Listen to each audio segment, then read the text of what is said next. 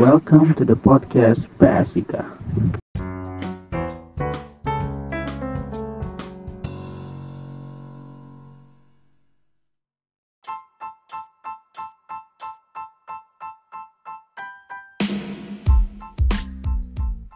Halo semua, selamat malam.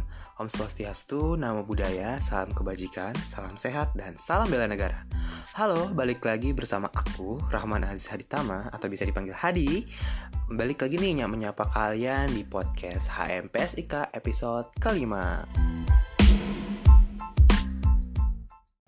Gimana nih kabar kalian? Udah dari liburan panjang, udah libur lebaran ya kan? Terus gimana puasanya kemarin? Semoga nggak bolong-bolong ya. Oke, nah gimana nih? Gue kira kayaknya kalian dapet THR banyak nggak sih? Ya nggak? Boleh dong kita komen di bawah, oke? Mungkin ada kesan-pesan selama libur lebaran kemarin, boleh juga komen di bawah ya. Oke, aku mau nanya nih sama kalian. Kalian tahu nggak sih, kita nih hari ini lagi memperingati hari spesial apa? Pasti tahu lah, masa nggak tahu sih? Kan ini adalah hari di mana kita memperingati yaitu Hari Perawat Internasional 2022. Kenapa sih kita harus memperingati Hari Perawat? Karena Hari Perawat Internasional itu ditujukan untuk memberi suatu kesempatan memperingati para perawat di seluruh dunia dan kontribusinya terhadap pelayanan kesehatan masyarakat. Penentuan ini hari ini nih berdasarkan hari lahirnya juga nih. Kalian tahu kan tokoh terkenal dari keperawatan dunia? Ya, betul banget, yaitu Ibu Florence Nightingale. Dia lahir pada tanggal 12 Mei 1820. Nah, untuk memperingati hari spesial ini nih, tentunya aku nggak sendirian dong. Aku mengundang narasumber yang sangat kece. Yang pasti kalian udah tahu semua lah ya. Karena dia dulu tuh e, menjabat sebagai ketua himpunan dan telah lulus pada tahun 2021 dengan predikat Mahardika. Wah, keren banget nggak sih? Boleh kita sambut dulu dong, Bang Fian. Halo Bang Fian. Halo Adi. Halo Bang, gimana nih kabarnya Bang? Alhamdulillah luar biasa hebat. Tadi gimana kabarnya? Alhamdulillah baik, hebat juga Bang. Oh ya gimana nih Bang? Puasanya lancar nggak kemarin Bang? Um, Alhamdulillah lancar sih nggak bolong.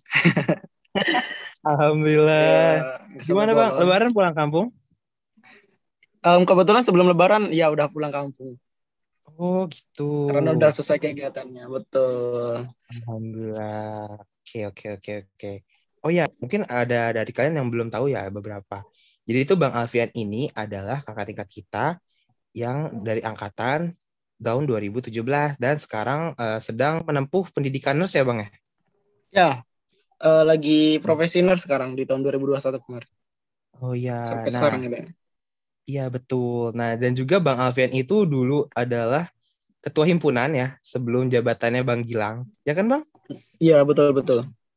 Ya, dan juga Bang Alfian itu diberikan gelar uh, mahasiswa berprestasi terbaik Mahardika ya Bang ya? Iya, betul. Kemarin alhamdulillah kemarin dapat karya Mahardika buat di wisuda 67 kemarin. Duh, keren banget. Semoga bisa nular ya Bang ya ke adik-adiknya. Uh, amin, salam buat semuanya ya. Amin, amin, amin, amin. Amin, amin.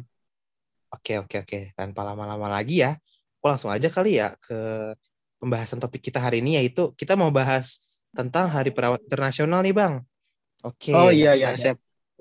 Bagi awalannya nih, uh, aku mau nanya nih, uh, kalau misalkan aku tanya ke Abang, apa sih yang terlintas di benak Abang itu setelah mendengar kata perawat gitu? Oke, um, kalau ngedengar soal kata perawat ya, sebenarnya kalau bisa dibilang ataupun saya sendiri mengartikan perawat sebagai sebuah profesi yang memang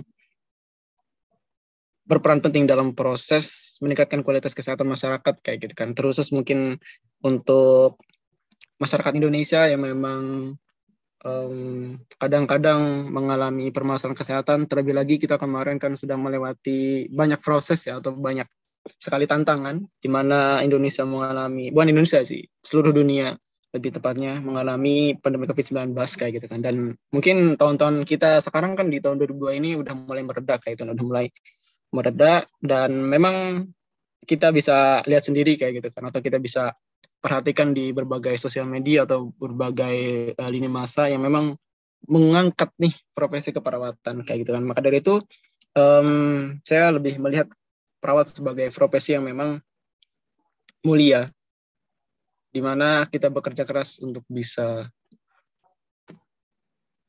membantu mereka yang memang dalam kondisi sakit. Bahkan kita merawat mereka dari awal mereka memeriksakan diri sampai nanti mereka pulang itu tugas dari seorang perawat.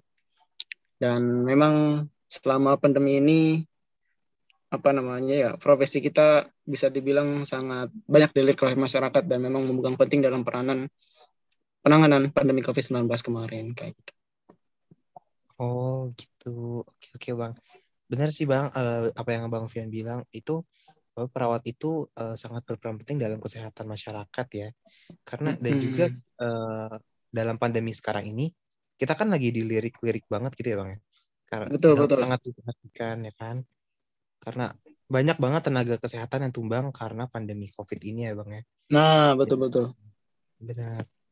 Dan itu juga apa kayak um, mendobrak hati saya kayak bahwa perawat itu nggak sembarangan loh harus iya. uh, punya apa ya punya skill yang tinggi dan juga skill. punya rasa empati tinggi gitu kepada pasien. Betul. Gitu. Benar-benar benar. Wah, jiwa empati juga sih ya kita. Ya benar, empati kita harus digunakan ya untuk pasien ya.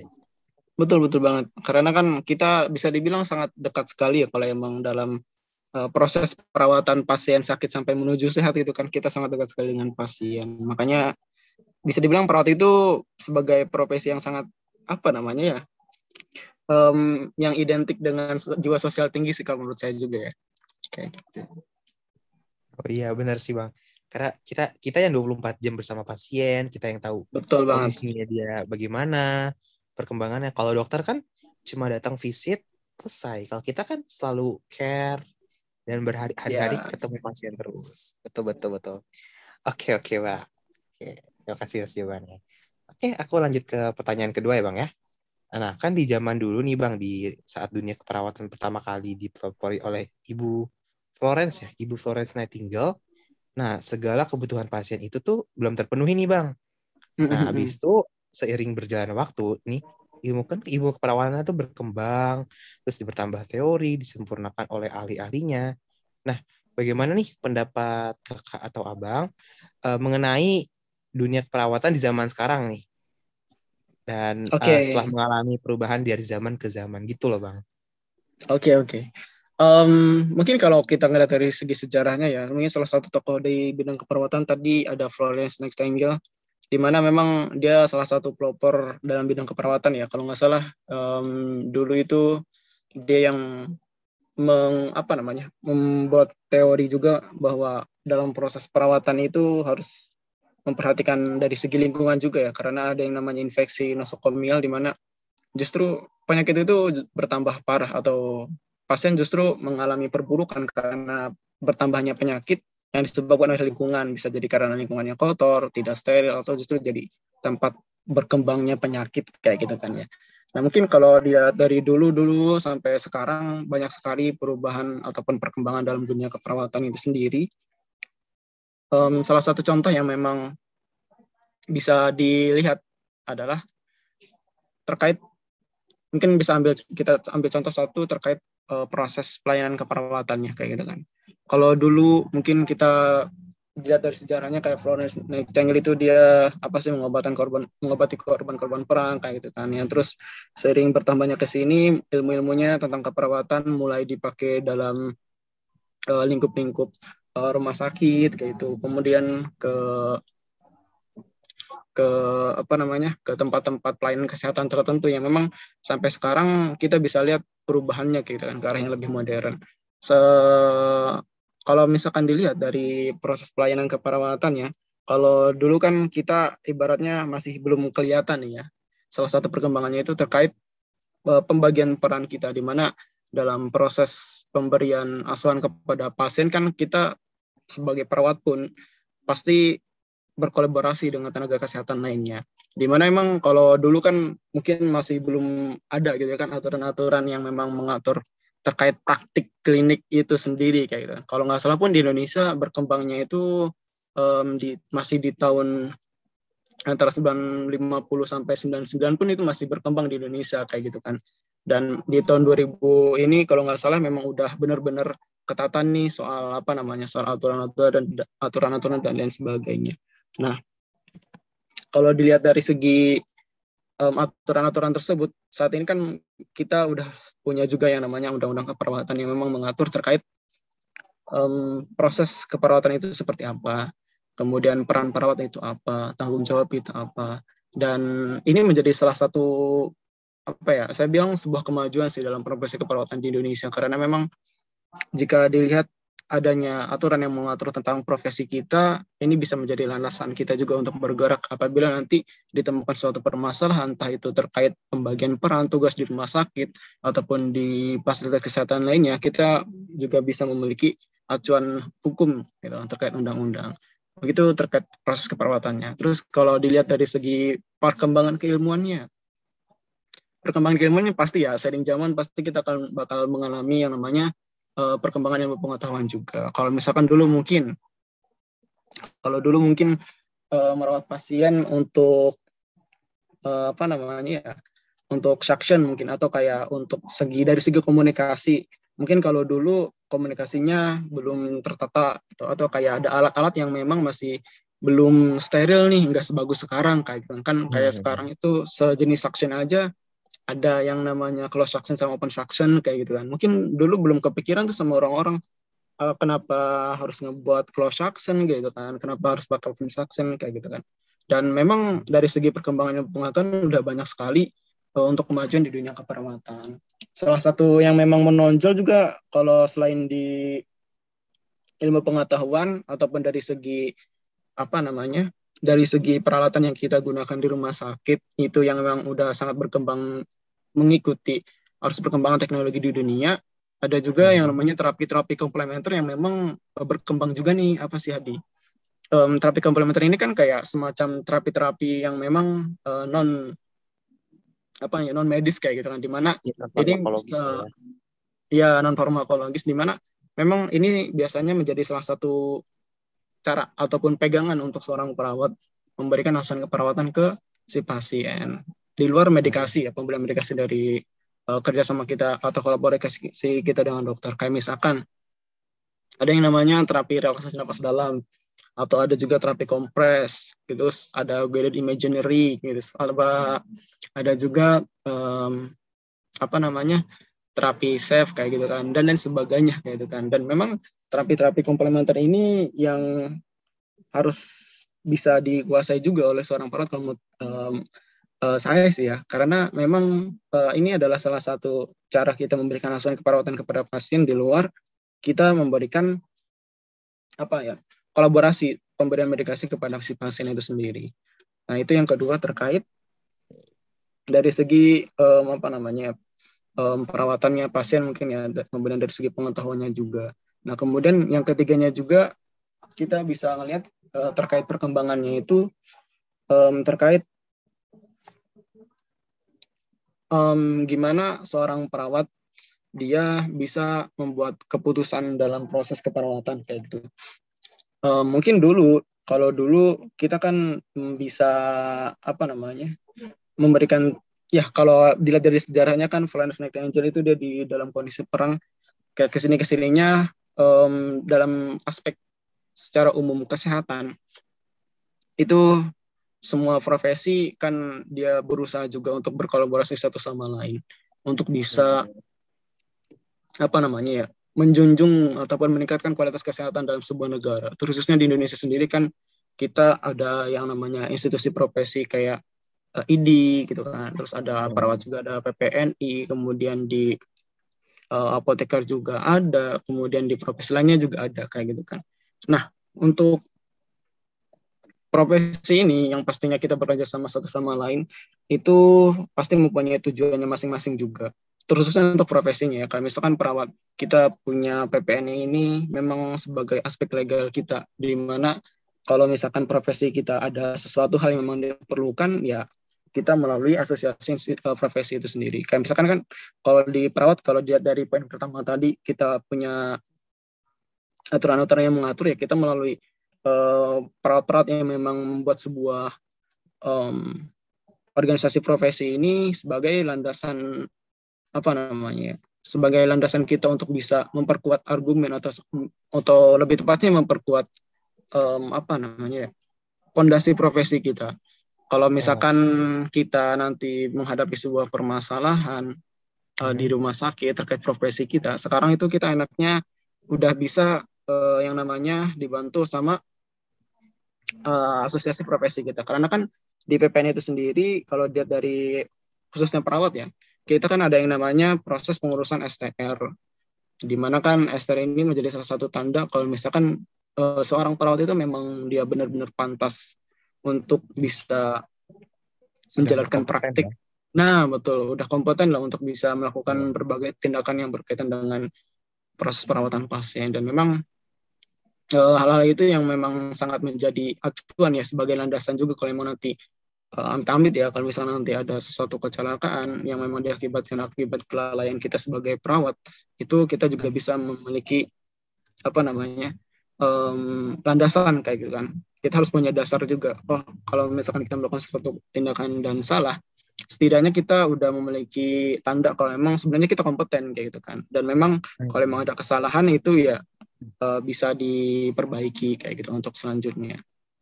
Dan oh ya mungkin ketiga eh, aspek tadi kak dari eh, proses keperawatannya aturannya terus dari segi pengetahuannya sampai dari perkembangan profesinya itu udah banyak banget sih sekarang berkembangnya dan ya sampai sekarang ini ketika pandemi muncul profesi perawat terus meningkat terus maju dan semakin banyak dikenal oleh masyarakat. Ya, betul betul bang.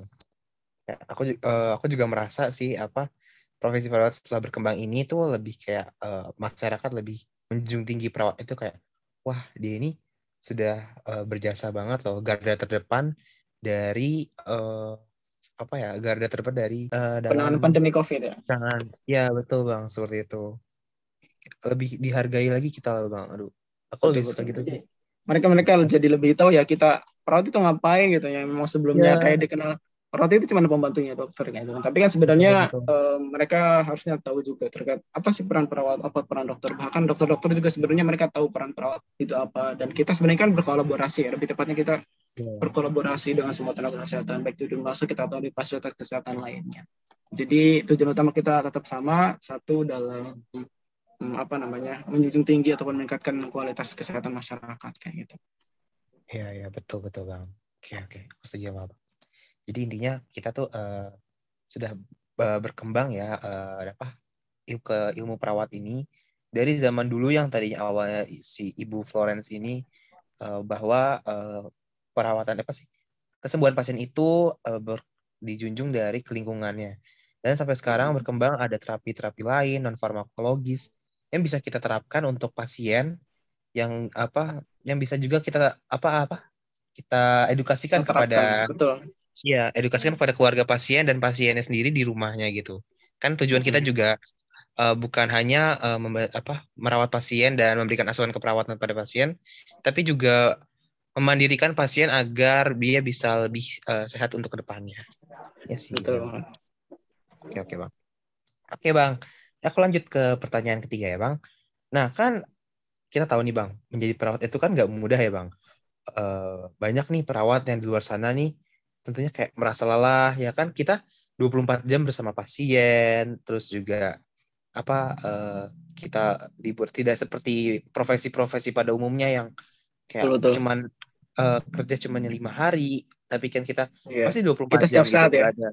iya benar kan Bang? abang juga merasakan Iya, kan iya. sekarang iya dan Iya. juga kita harus tetap profesional kan bang apa pun itu walaupun kau lelah walaupun lagi kesel bad mood atau bagaimana ya kan nah mungkin Hmm. banyak di antaranya juga pengen berhenti nih kayak aduh capek banget nih pengen udahan aja deh terus eh, dia mungkin nggak berpikir lagi untuk depannya kali ya dan juga betul betul. eh apalagi ya kesel gundah gitu kadang ada pasien yang bikin kesel bikin bad mood kayak ih Iya. ini gitu loh ya kan bang nah aku Betul, mau nanya betul. nih gimana sih eh, caranya kita nih agar tetap mempertahankan tekad kita kayak eh, harus aku nih eh, udah masuk sini nih aku harus kayak semangat gitu di menjunjung tinggi ini karena ini profesi yang aku inginkan gitu gimana bang untuk memupuk itu agar lebih besar lagi gitu rasanya uh, pada Hmm. bertahan pada tekad ini. supaya lebih menjiwai menjadi seorang perawat gitu ya. Iya betul bang. Oke, Em, sebenarnya simpelnya gini. Kalau saya untuk menguatkan diri sendiri kayak gitu kan, karena mungkin gini, dalam proses pendidikan sebagai seorang mahasiswa keperawatan, pastikan kita akan menemukan sebuah sensasi baru ataupun situasi baru di mana kita eh, yang tadinya cuma belajar di kampus, ketika kita berangkat ke klinik di eh, praktek klinik baik itu di rumah sakit, di puskesmas atau di tempat lainnya, itu kita akan merasakan sebuah perbedaan eh, situasi ya. Di mana yang emang kita cuman membayangkan kalau di kelas gitu kan ketika kita udah terjun di lapangan kita bakal bener-bener nge-feel bakal bener-bener ngerasa oh ternyata ini sebagai ternyata ini perawat kayak gitu kan kadang kadang memang kalau dilihat dari sisi mahasiswa em, ada aja eh, suatu pemikiran. Kadang ada aja yang pemikiran wah kayaknya eh, saya nggak cocok nih di jadi seorang perawat karena bla bla bla bla lah. Karena memang dia punya pengalaman buruk kayak gitu kan. Tapi kadang gini em, justru eh, yang saya temukan sih ya berdasarkan pengalaman eh, saya sendiri banyak sekali momen yang memang ngebuat seorang mahasiswa itu sebelum menjadi seorang perawat itu mereka lebih ngefeel ataupun lebih mendalami lagi oh iya ternyata perawat itu gini gitu kan. Karena memang mereka udah benar-benar ngerasakan di lapangan. Tapi kalau secara untuk khususnya untuk dari seorang perawat supaya mereka tetap terus eh, kuat adalah mereka harus tahu peran dan profesi mereka itu sebenarnya apa. Kayak gitu kan. Karena semuanya berawal dari bagaimana cara kita bisa mendeskripsikan profesi kita itu sendiri kayak gitu kan. Misalkan tadi saya mendeskripsikan profesi perawat sebagai profesi yang mulia karena memang kita menjadi salah satu profesi yang sangat dekat dengan orang-orang yang membutuhkan pelayanan kesehatan sampai akhirnya mereka menuju kesembuhan kayak gitu kan.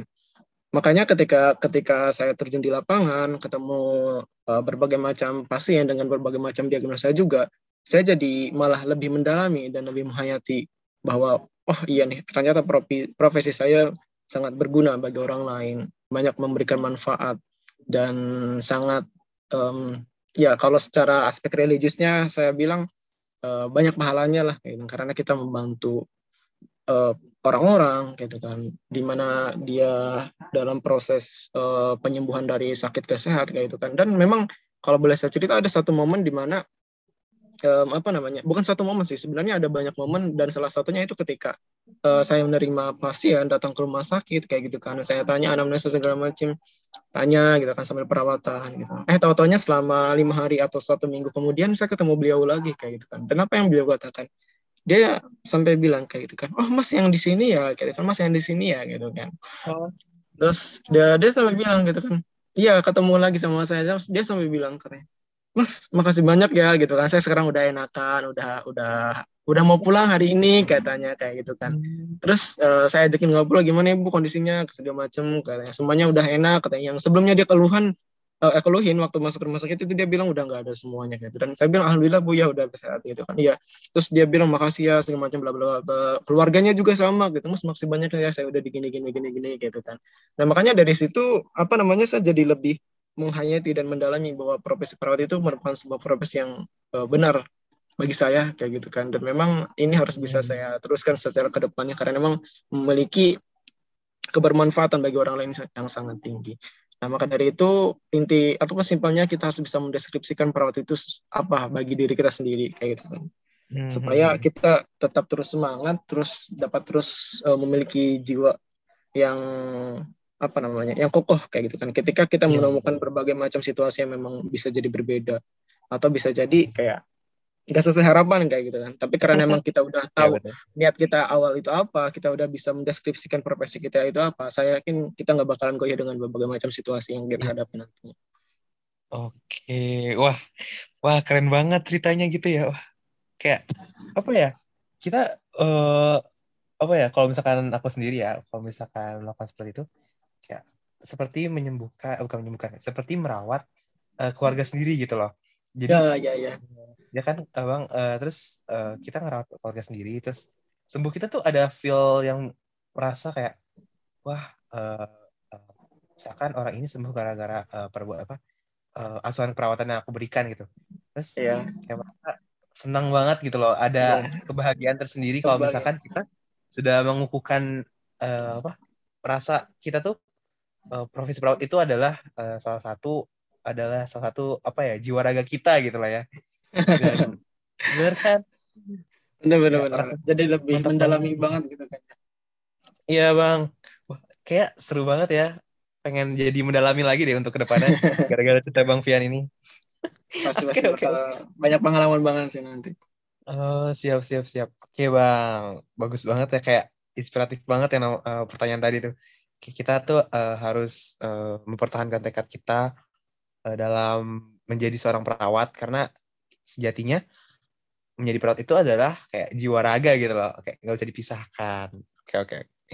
Oke, aku lanjut ke pertanyaan yang keempat nih bang. Nah, aku mau nanya nih sama si abang. Eh, apa sih eh, harapan abang dalam dunia keperawatan ini untuk ke depannya ya. Kalau misalnya boleh dong eh, agak dikaitin gitu kayak pengalaman abang setelah eh, praktek di RS ataupun lagi Mhm. profesi nurse saat ini atau berpengalaman di masyarakat itu bang. Boleh bang? Oke, Em, mungkin saya bisa sal- kasih salah satu cerita menarik ya, gitu. dan semoga ini menjadi inspirasi buat teman-teman juga. Iya boleh boleh. Jadi ada satu pengalaman menarik eh, menurut saya di mana eh, waktu itu saya ada di ruangan eh, perawatan bayi ya. Kan kalau misalkan em, pasien-pasien bayi kan mereka cenderungnya rewel atau gampang nangis kayak gitu Iya, kan. Jadi banget. kayak apa namanya?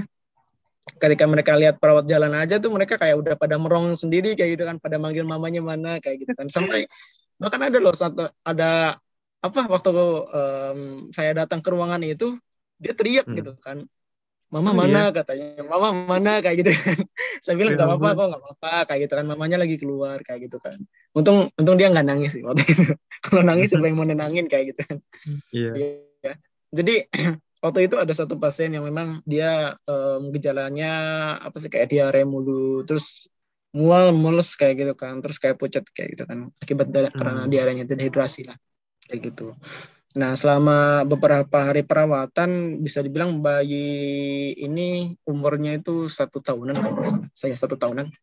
Hmm. beberapa em, beberapa hari perawatan em, bayi ini dia udah perbaikan kayak gitu. Sampai akhirnya dari dokter udah saya pulang nih kayak gitu kan.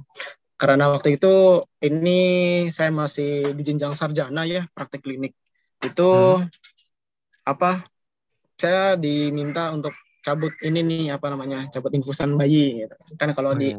pasien-pasien bayi itu kan mereka kebanyakan pada pakai kepala kan ya karena kan kalau pasien bayi takutnya kalau lepas atau gampang lepas banyak gerak lah kayak gitu jadi waktu ngelepas tuh agak lama kayak gitu kan sampai dulu tuh saya bawa eh, kit ya lengkap ada guntingnya juga ada apa namanya untuk buat ngelepasin plasternya juga eh, konsepnya juga saya bawa banyak kayak gitu kan nah waktu itu tuh kebetulan lagi rame video-video yang dokter ini loh apa sih dia kayak nyuntik bayi tapi dia kayak kasih distraksi dulu kayak gitu kayak kasih gerakan-gerakan Oh, iya, tahu, atau kayak ya dikasih main-main kayak gitu. Nah itu saya tiba-tiba keinget kayak gitu kan. Jadi saya terinspirasi tuh jadinya saya ngelakuin juga kan. Jadi waktu saya pegang tangan bayinya kalau posisi bayinya dia lagi digendong sama ibunya ya dia digendong sama Mhm. ibunya. Em, tapi bayinya duduk kayak gitu kan. Dia senderan sama ibunya dipegangin nah saya ajakin ngobrol tuh kamu kenapa? Gitu kan. Bayinya diem tuh ngeliatin. Sama saya sentuh kan mukanya gitu kan. Oh, lucu banget pokoknya. Saya sentuh mukanya saya sentuh bibirnya. Bukan bibir sorry pipinya kayak gitu kan. Terus Mhm. kayak dia lus-lus nih bagian tangannya kayak gitu kan. Saya sambil bilang eh sakit nggak? Gitu kan. Kayak dokter yang video itu kan. Kayak Iya. tenaga kesehatan itu. Terus eh, saya bilang eh, ajakin ngobrol tuh selama saya sambil proses ngelepasin ini gitu kan. Pertama saya ngelepasin sepaluknya dulu. Wah aman nih pasiennya nggak nangis kayak gitu kan berarti udah Hmm. aman kayak gitu kan. Bukan udah aman sih maksudnya ada satu step yang udah terlewati lah ibaratnya satu tantangan. Tinggal yang bagian ininya kan bagian aboketnya yang masuk ke saya ambil lagi eh, apa sih alkoset baru. Masuk-masuk sambil ajakin ngobrol kayak gitu kan. Udah sampai selesai nih udah tinggal nyabut kayak gitu kan. Saya eh, sambil ngajakin ngobrol terus gitu kan.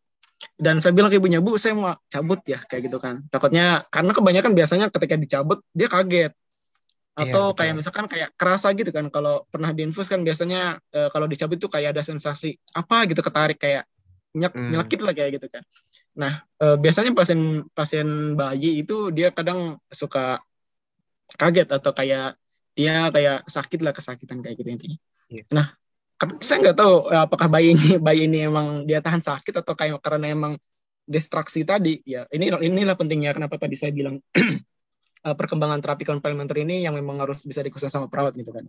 Jadi ketika di distraksi itu pastinya start dari awal saya tindakan sampai akhir itu dia nggak ada nangis. Dia ngeliatin bengong tangannya diapain kayak gitu. Dan sampai ketika saya bilang ibu saya mau cabut ya. Saya bilang adanya juga ada saya cabut ya kayak gitu kan. Saya tarik pelan pelan cep gitu kan. Saya langsung dep kan. Hmm. nah saya dep gitu kan. Tahu nggak bayinya ngapain? Dia senderan di tangan saya coba. Kayak nih nih kayak misalkan kalau apa sih kayak ini bayi tangan bayinya saya pegang. Dia nyender ke tangan saya gitu kan. Jadi kayak mau tiduran Oh. gitu loh. Kata saya bilang Wah, ya banget. ampun sweet sweet banget sih kata saya gitu kan. Kok bisa gitu kan bayi kayak gini? Gitu Iya, kan. lucu banget. sampai orang-orang di situ pada heran kayak gitu, eh kamu kenapa sama omnya? katanya kayak gitu kan. Jadi kayak kayak heran gitu mereka juga kayak gitu kan. Makanya tapi saya mikir sih eh, mungkin ini salah satu terapi komplementer atau kayak teknik distraksi ke pasien itu ternyata bisa loh kayak gitu kan untuk bisa apa namanya mengalihkan gitu kan konsentrasi si bayinya tadi supaya nggak merasakan sakit minimal mengurangi rasa sakitnya. Sampai memang yang paling menyentuh sih itu ketika bayinya nyender ke saya kayak gitu kan. Sampai ketika udah selesai itu eh, saya bilang nanti nanti ketemu lagi sama omnya ya tapi jangan di rumah sakit maksudnya kayak itu dia bilang di rumah sakit. Ketika Ya. pulang pun dia ngeliatin kayak gitu kan. Kata saya dianterin kan sampai keluar eh, apa sih turun lantai kayak gitu kan senang Hmm. sih pokoknya ketika bisa praktek-praktek kayak kayak gitu. Mungkin itu salah satu di antara banyak pengalaman ya. Ada juga kayak pengalaman tadi ya yang nenek-nenek atau ibu-ibu yang ketika datang ke rumah sakit ketemu lagi pas mau pulang gitu kan dia bilang makasih segala macam bla bla bla terus ada juga pengalaman-pengalaman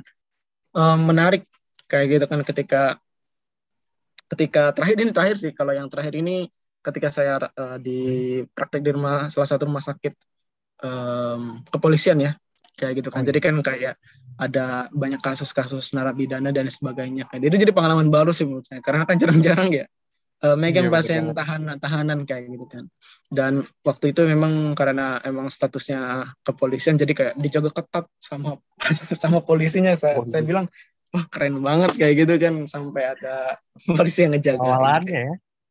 betul betul kayak kayak waduh ini bukan apa sih kayak bersenjata lengkap nih kata saya sih gitu kan ini pasiennya kenapa nih pasiennya kenapa gitu kan kan kayak bikin penasaran tapi justru itu jadi pengalaman-pengalaman yang memang ngebuat saya ngefeel lebih apa namanya lebih eh, pasti untuk menjadi seorang perawat kayak gitu Kayak gitu sih. Hmm. Iya, iya, iya, iya, benar banget. Kayak, Pak itu pengalamannya unik banget ya yang Om Baik itu Iya. lucu banget.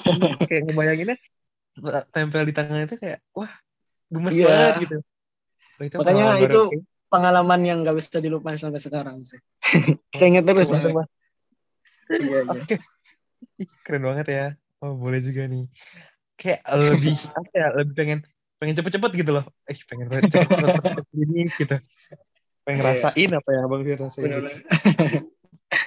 Ya pasti seru sih nanti bakal dapat pengalaman baru pengetahuan baru juga Amin, amin. Semoga segera ya Bang ya.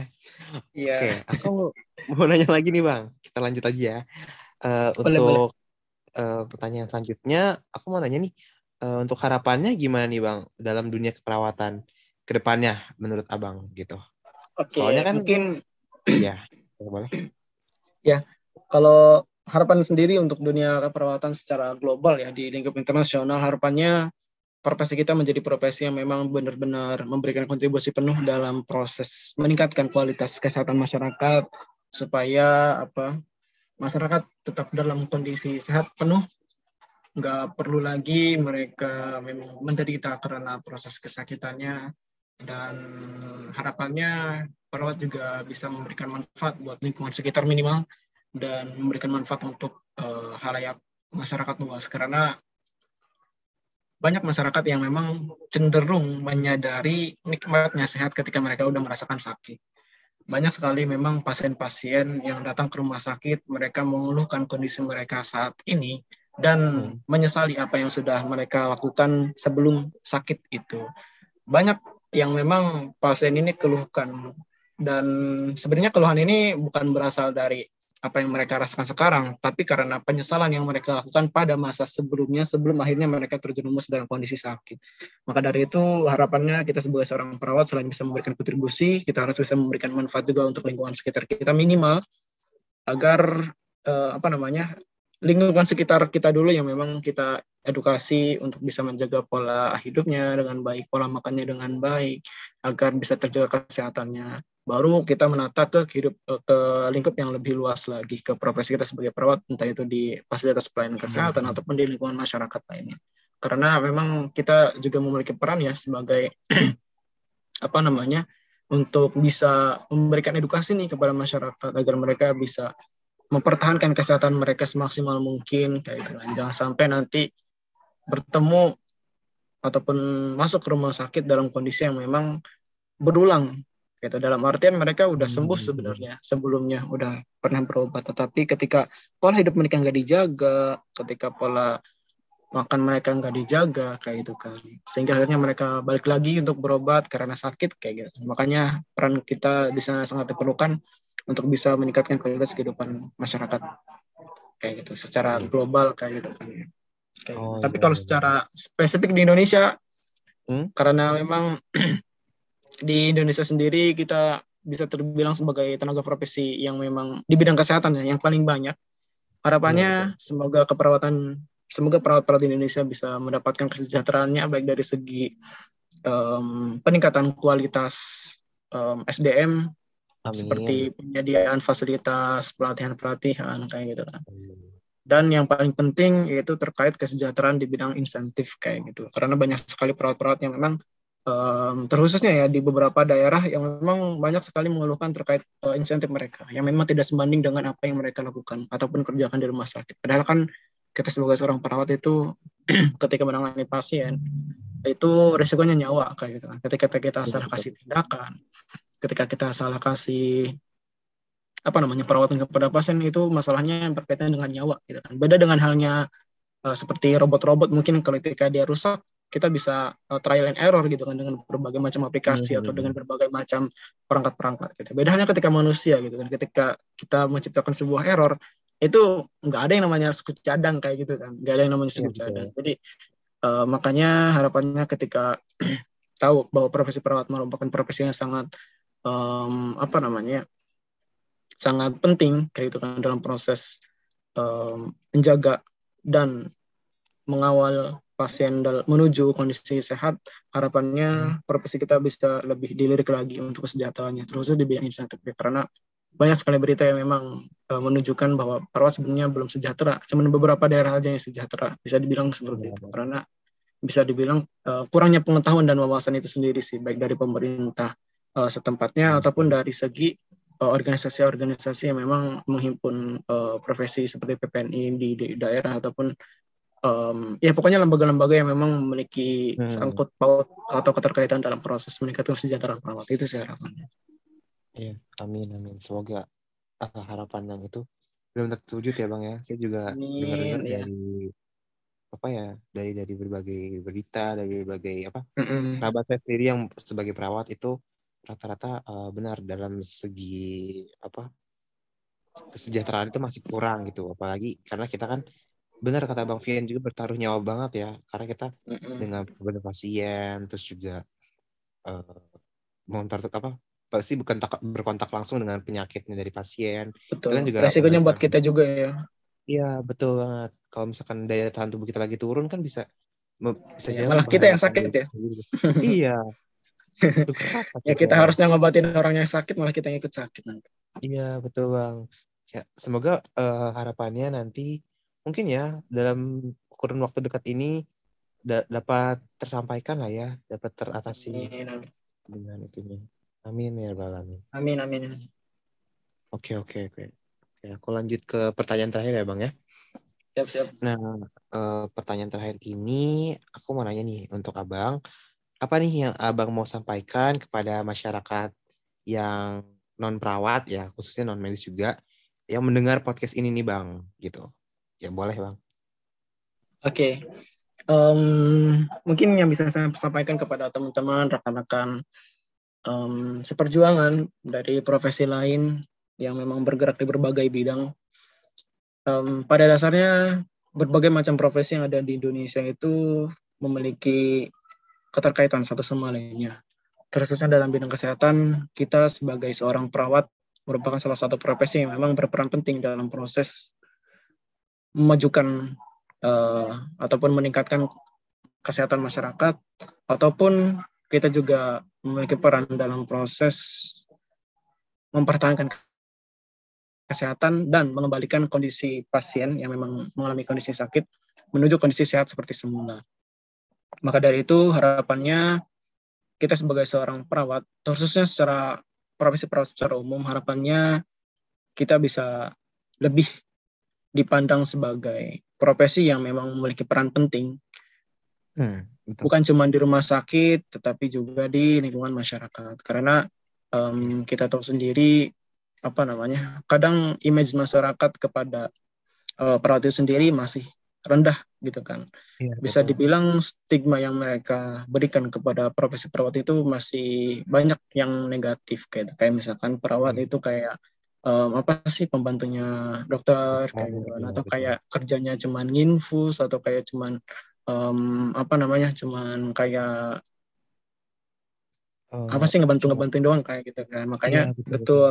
Padahal kan kita sebagai seorang profesi yang sudah memiliki aspek legal juga kita berkolaborasi satu sama lain sebagai tenaga kesehatan untuk bisa memajukan dan mengobati pasien yang memang ada di rumah sakit berdasarkan dengan peran dan fungsi serta tanggung jawab kita masing-masing.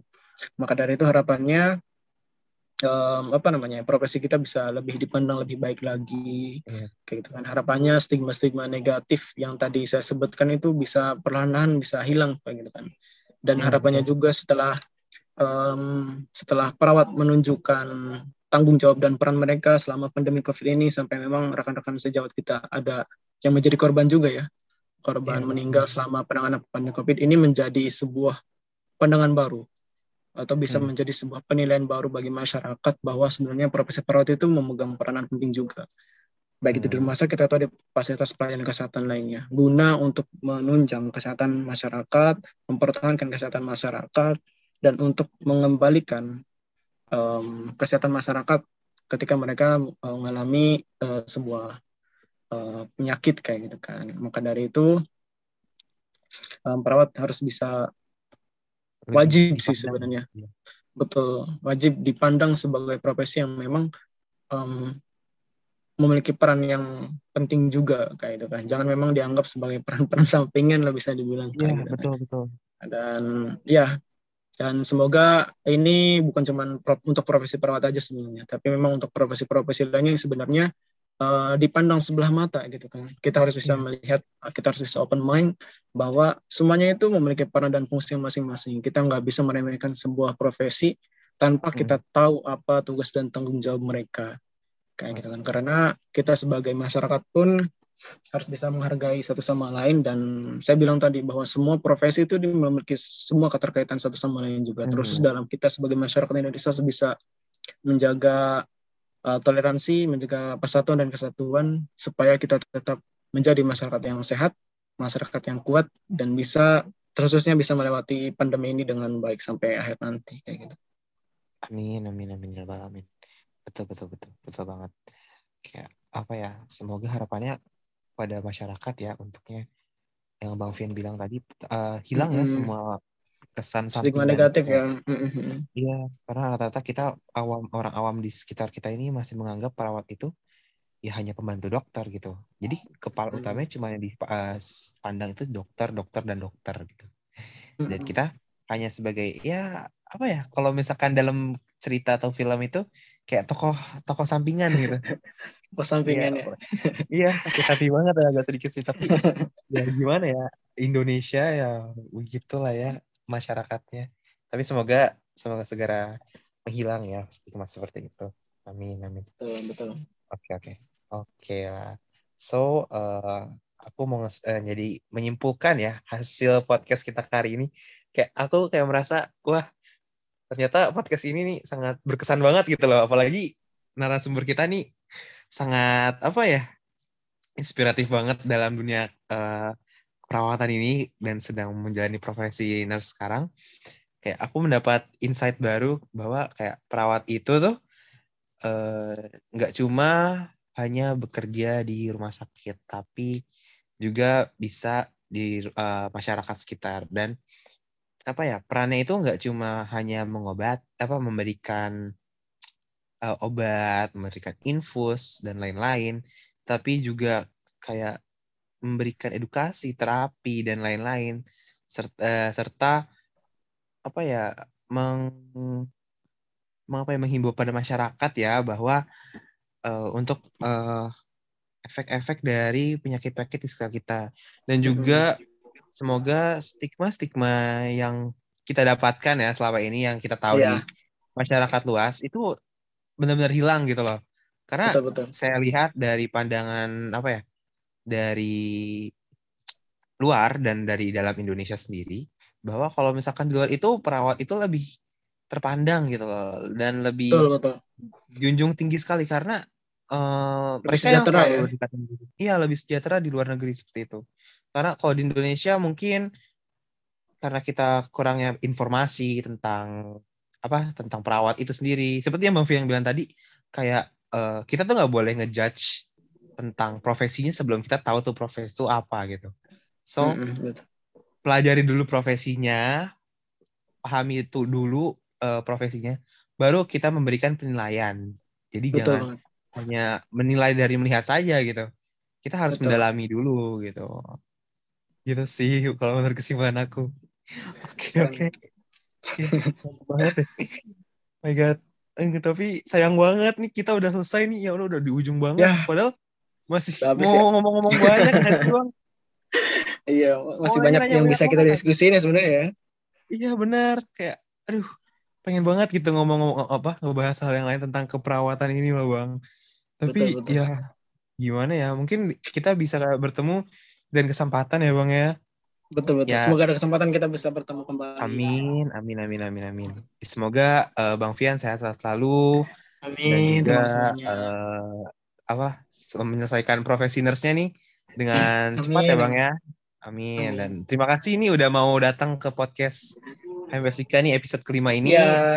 Mengganggu waktu banget di liburan ya, lagi liburan saat ya, ini. Ya menyumbangkan waktunya terima kasih banget. Iya. uh, so pokoknya semoga sukses terus ya bang Fian ya dan amin. sukses juga buat teman-teman ya di MPSK ya amin amin dan juga oh ya aku uh, mengucapkan dulu minal izin wal faizin karena kita oh, masih iya, dalam lebaran ya pada yeah, teman-teman yeah. juga minal izin wal faizin juga mohon maaf lahir dan batin uh, untuk akhir kata Amin, amin. Oke, untuk akhir kata, aku mau menyimpulkan menjadi seorang perawat itu nggak hanya petugas untuk membalut luka aja. Tapi lebih dari itu nih, kami wajib memastikan kesembuhan dan kebahagiaan itu nyata. So, selamat Hari Perawat Internasional 2022. Saya Rahman Asari Tama sebagai moderator uh, podcast HRPSIK episode kelima saat ini pamit undur diri. Sampai bertemu di podcast HRPSIK episode selanjutnya. Bye-bye.